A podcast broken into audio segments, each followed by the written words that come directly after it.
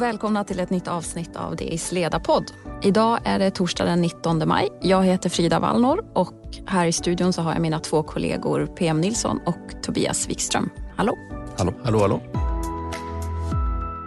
Och eh, de här två herrarna är ju också ledarredaktionens experter på svensk inrikespolitik. För det är ju vad vi ska prata om idag. Det har ju varit så mycket NATO eh, snack den senaste tiden men i skuggan av det här så närmar vi oss faktiskt ett riksdagsval så att vi tänkte borra ner oss lite i de här frågorna idag och vi ska börja med det som händer idag torsdag, nämligen att Magdalena Andersson besöker Vita huset tillsammans med Finlands president. Eh, och det här är ju såklart väldigt viktigt för den svensk-finska NATO-processen och möjligheterna att det ska godkännas av USAs senat framöver. Men ur ett inrikespolitiskt perspektiv så kan man ju se det här som väldigt bra PR-mässigt för en sittande svensk statsminister bara månader innan riksdagsvalet. Eller vad säger du Tobias? Ja, alltså det är inte bara det att eh, Magdalena Andersson som statsminister eh, åker till Vita huset, träffar USAs president, dessutom tillsammans med en annan president. Eh, utan det är ju dessutom så att de, hon har ett ärende. Det vill säga att, att få till det här med NATO-anslutningen på, på ett framgångsrikt sätt. Eh, det, det smäller ju så att säga högre än om man bara hade varit där för att ta upp eh, så att säga current issues mm. i största allmänhet. Så att det här kommer att bli mycket uppmärksammat och sköter hon det här rätt så kommer det naturligtvis att gynna henne relativt hennes huvudmotståndare Ulf Kristersson. Mm. Mm. Men däremot så har vi ju fått den här frågan om Turkiet och den här, det avtalet som, som Socialdemokraterna skrev med den politiska vilden Amineh Kakabaveh i vintras. Mm. Som nu turkarna sätter sig emot och det här skrev du om idag PM. Vad betyder det här då för, för regeringsbildningen? Kommer man behöva riva upp det här avtalet? Ja, det borde man ju egentligen göra. Det var ju mycket anmärkningsvärt när det kom till. Ett parti som bildar regering förhandlar direkt med en person i riksdagen om en viss utrikespolitisk fråga. Och man skriver ett avtal mellan Kakabaveh och eh, Thomas Baudin, Tobias Baudin. Mm. Där det står att eh, man förbinder sig att verka för ett självstyre i nordöstra Syrien, ett kurdiskt självstyre och att fördjupa relationerna med YPG. Och sen så är det några andra eh, personer man pekar på som man ska släppas ur fängelse. Det var så många konstigheter i den här regeringsbildningen så att man orkade knappt med det i svensk offentlighet skulle jag vilja säga. Och nu har det ju kommit ikapp och eh, det finns många problem med de turkiska invändningarna men ett problem är att det ligger någonting i den här kritiken. Det är jättekonstigt att en regering har den här typen av uppgörelser i ett så specifikt ärende. Eh, och eh, YPG anses då av Turkietkännare eh, vara den syriska delen av PKK som då är terrorklassat av EU och USA. Så mm. därav Turkiets synpunkter. Alltså det här var en vårdslös hantering från Socialdemokraternas sida. Det avslösar själva formerna. Alltså avtalet slöts med partiet, inte med vad ska vi säga, den blivande regeringen. Och det indikerar ju att man fattade att det här, det här är inte så bra. Mm. Eh, vi tillfredsställer den här politiska vilden och sen försöker vi liksom stuva undan det så gott det går. Mm. Eh, men det kommer tillbaka och nu är vi här. Eh, så i likhet med tidigare frågor där det har uppstått politisk aktivism, kanske med rätta, vad vet jag, till exempel om det här med hur man ska klassa det armeniska folkmordet och sånt där. Där förstår ju regerande regeringar i Sverige så att säga att ja, det här är besvärligt. Man vet att det är besvärligt sådana här frågor, ändå gör man det här.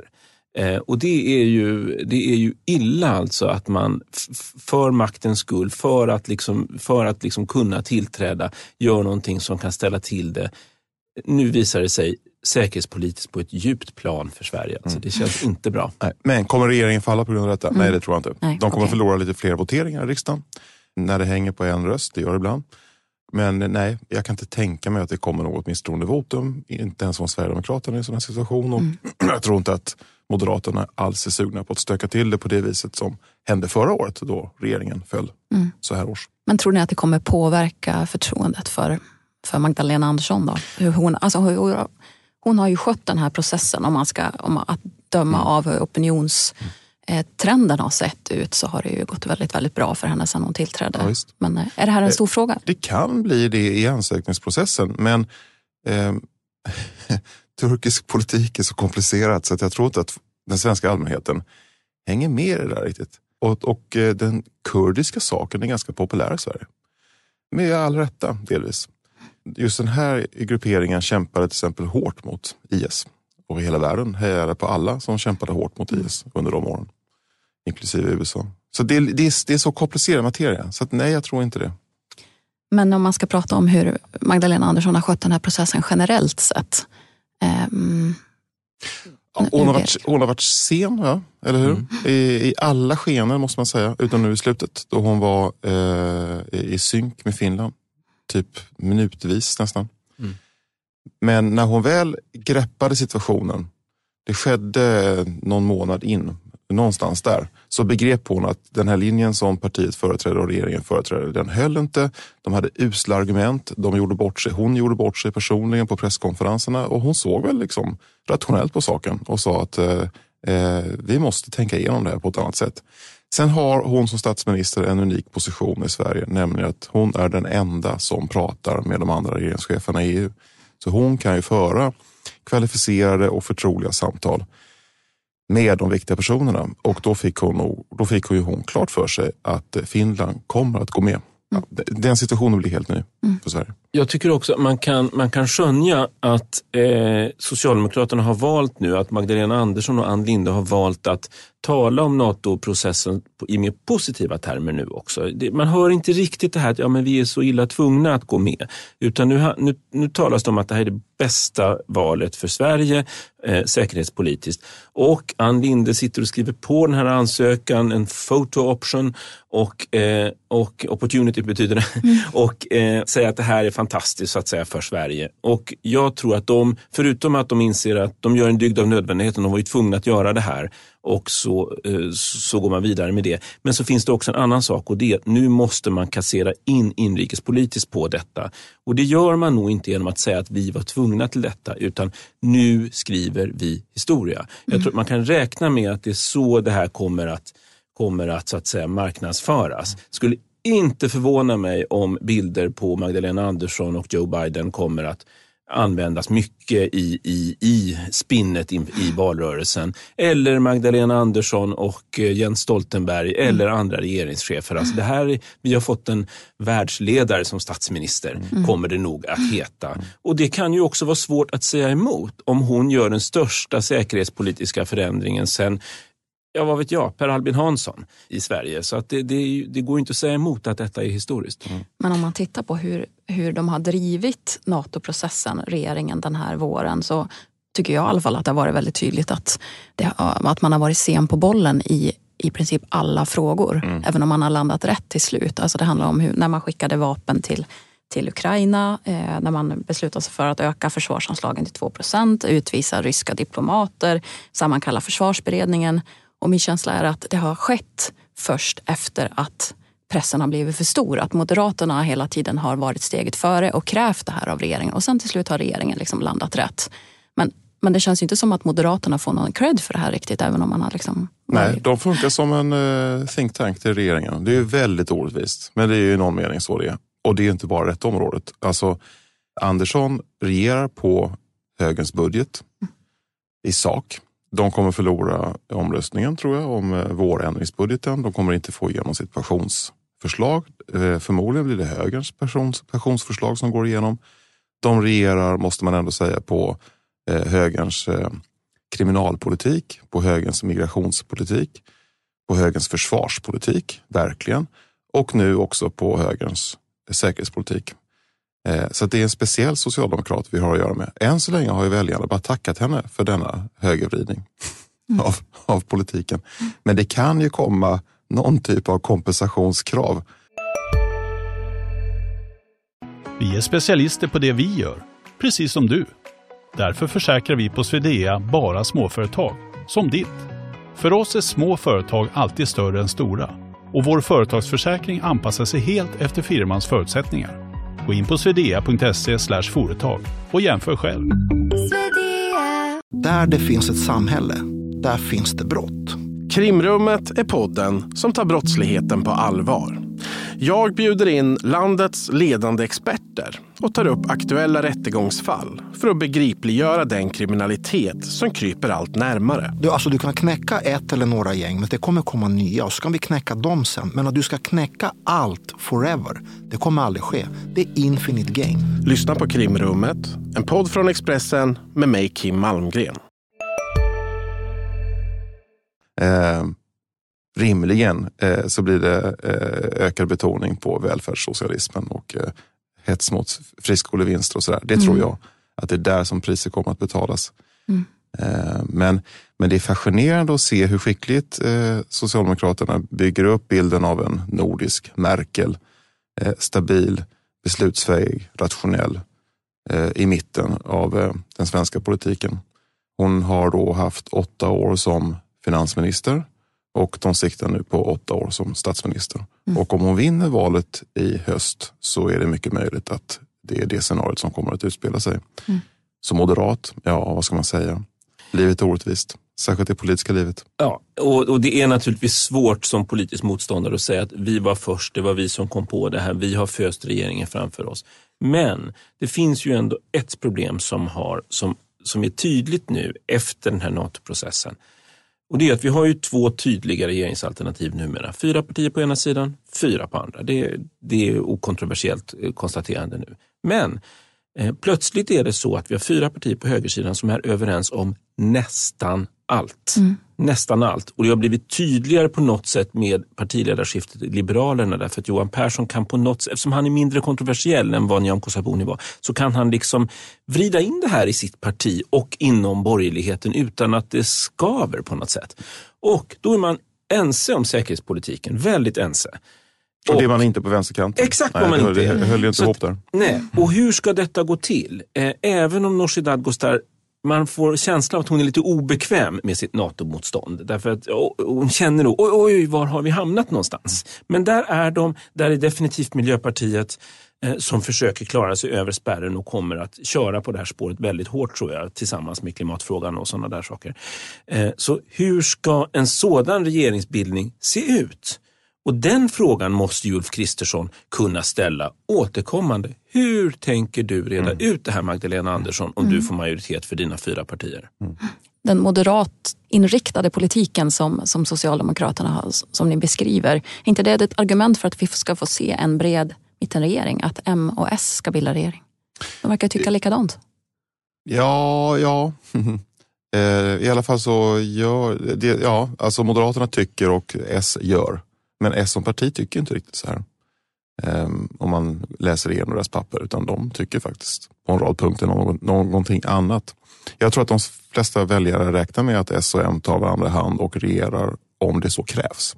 Om den säkerhetspolitiska krisen kring Ryssland förvärras och uh, utvidgas, då tror jag man då tror jag det kommer. Men om det händer så ska man ha klart för sig att man förvägrar väljarna ett val ändå. Uh, och så länge man inte behöver bilda den här storkoalitionsregeringen, då är det bra att man har, man har två stycken alternativ och man kan välja. De verkar ju få väldigt mycket gjort. Alltså är det inte bra för Sverige att man har den här typen av handlingskraftig regering? Ändå. Eh, jo, i denna frågan, men sen finns det en massa andra frågor där de, där de, de, där de inte är överens. Och då blir det ju ingen handlingskraft. Då blir det ju tvärtom. Då blir det ju en handlingsförlamning. Det finns ju en rad frågor som är relaterade till kriget eller som har blivit accentuerade med kriget som, där, det, där det är riktigt stora motsättningar i vänsterblocket. Och det är ju till exempel energipolitiken. Eh, där, jag menar, vi, det blir ju en ny vinter. Hur ska, du, hur ska det då gå med, med elpriserna, med bensinpriserna, med elektricitetsförsörjningen överhuvudtaget? Där har ju de fyra partierna till höger eh, stora möjligheter att komma överens om, om en ny politik. Eh, Men om vänsterblocket vinner, hur ska de reda ut detta? Det, där, är ju, där, där står ju oenigheten i, i öppen dager. Plus att Socialdemokraterna är ju numera ett, ett eh, kärnkraftsmotståndarparti. Eh, Och eh, det, det skulle kunna bli en fråga det här med kärnkraften i valet också eftersom det är ingen, det är ingen perifer fråga utan det är ju verkligen, kan ju sättas i samband med världshändelserna. Men, men det är en bra fråga Frida. Eh, och jag tror att den kommer återkomma. Eh, det, här, eh, det här att S och M gick ihop i NATO-frågan och drev den i någon mening. Eh, i alla fall symboliskt tillsammans när de ställde sig upp på scen då, den här eh, måndagen. Men det sitter långt inne ändå. Mm. Men jag tänker som elfrågan som ni säger, det, är ju också en, det kan ju verkligen bli en akut fråga på samma sätt. Eh, där det finns en, en, verkligen efterfrågan på en bred uppgörelse, en ny bred uppgörelse för att få igång elektrifieringen på, på allvar. Mm. När man nu har gjort det här i NATO-frågan, kanske det är enklare att göra det igen? Ja, mycket möjligt. Men, men man behöver inte bilda regering ihop för att man gör den typen av uppgörelser, utan det, det kan ju komma ändå. Um, att, och det, ja. Men det, när kom den här den energiuppgörelsen som sprack? 2016. 2009 och 2016 okay. var det två mm. olika eh, energiuppgörelser. Den första var Alliansen och den mm. andra då var blocköverskridande. Just det, precis. Ja. Så det går ju att göra kvalificerade förändringar ändå på detta området. Problem med blocköverskridande överenskommelser de senaste 10-15 åren har varit att de har saknat radikalitet. Eh, det har blivit att man har kommit överens om frågor på en rätt låg eh, handlingsnivå för att stöka undan frågor. Till exempel så säger man vi är inte längre emot kärnkraft men man berättar inte hur den nya kärnkraften eventuellt ska kunna uppstå. Eh, så att den, den, jag tycker inte de här överenskommelserna har varit handlingsinriktade. Och ska man göra det blocköverskridande, då krävs modiga politi politiker och ja, vi har inte riktigt sett det ännu tycker jag.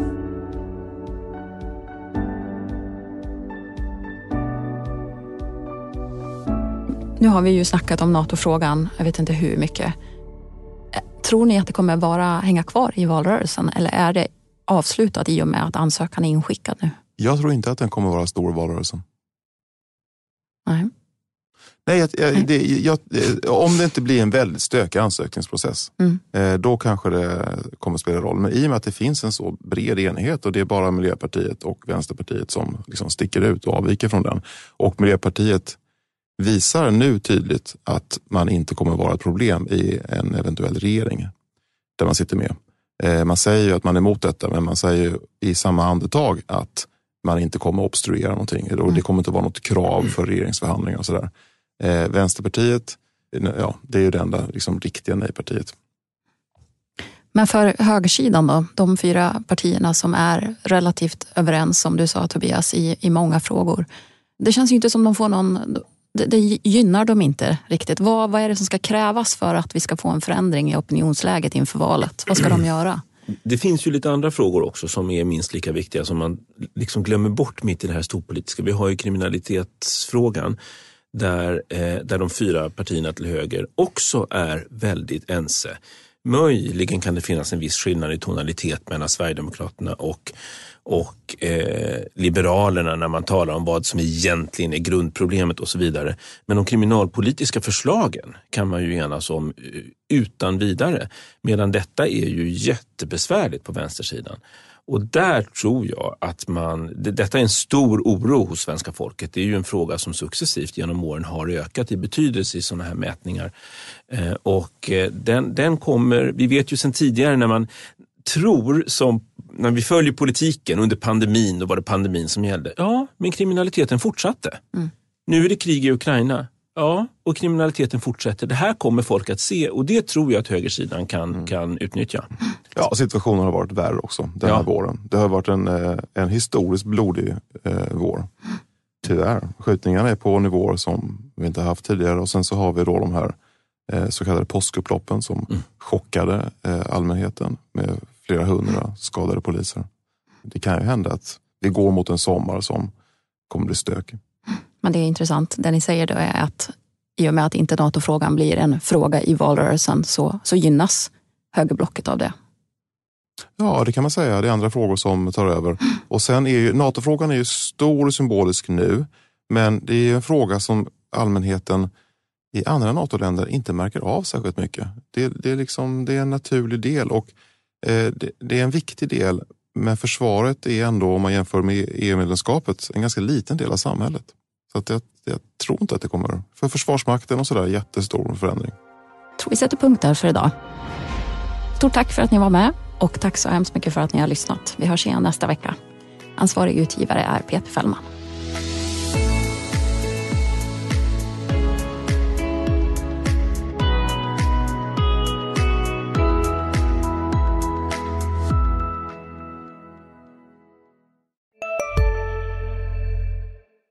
Hej, Synoptik här. Hos oss får du hjälp med att ta hand om din ögonhälsa. Med vår synundersökning kan vi upptäcka både synförändringar och tecken på vanliga ögonsjukdomar. Boka tid på synoptik.se. Njut av Max Selection El Maco med Premium Beef. Vår saftiga och lyxiga burgare av 100% svenskt nötkött och 100% fantastisk smak. För ett ännu godare McDonalds.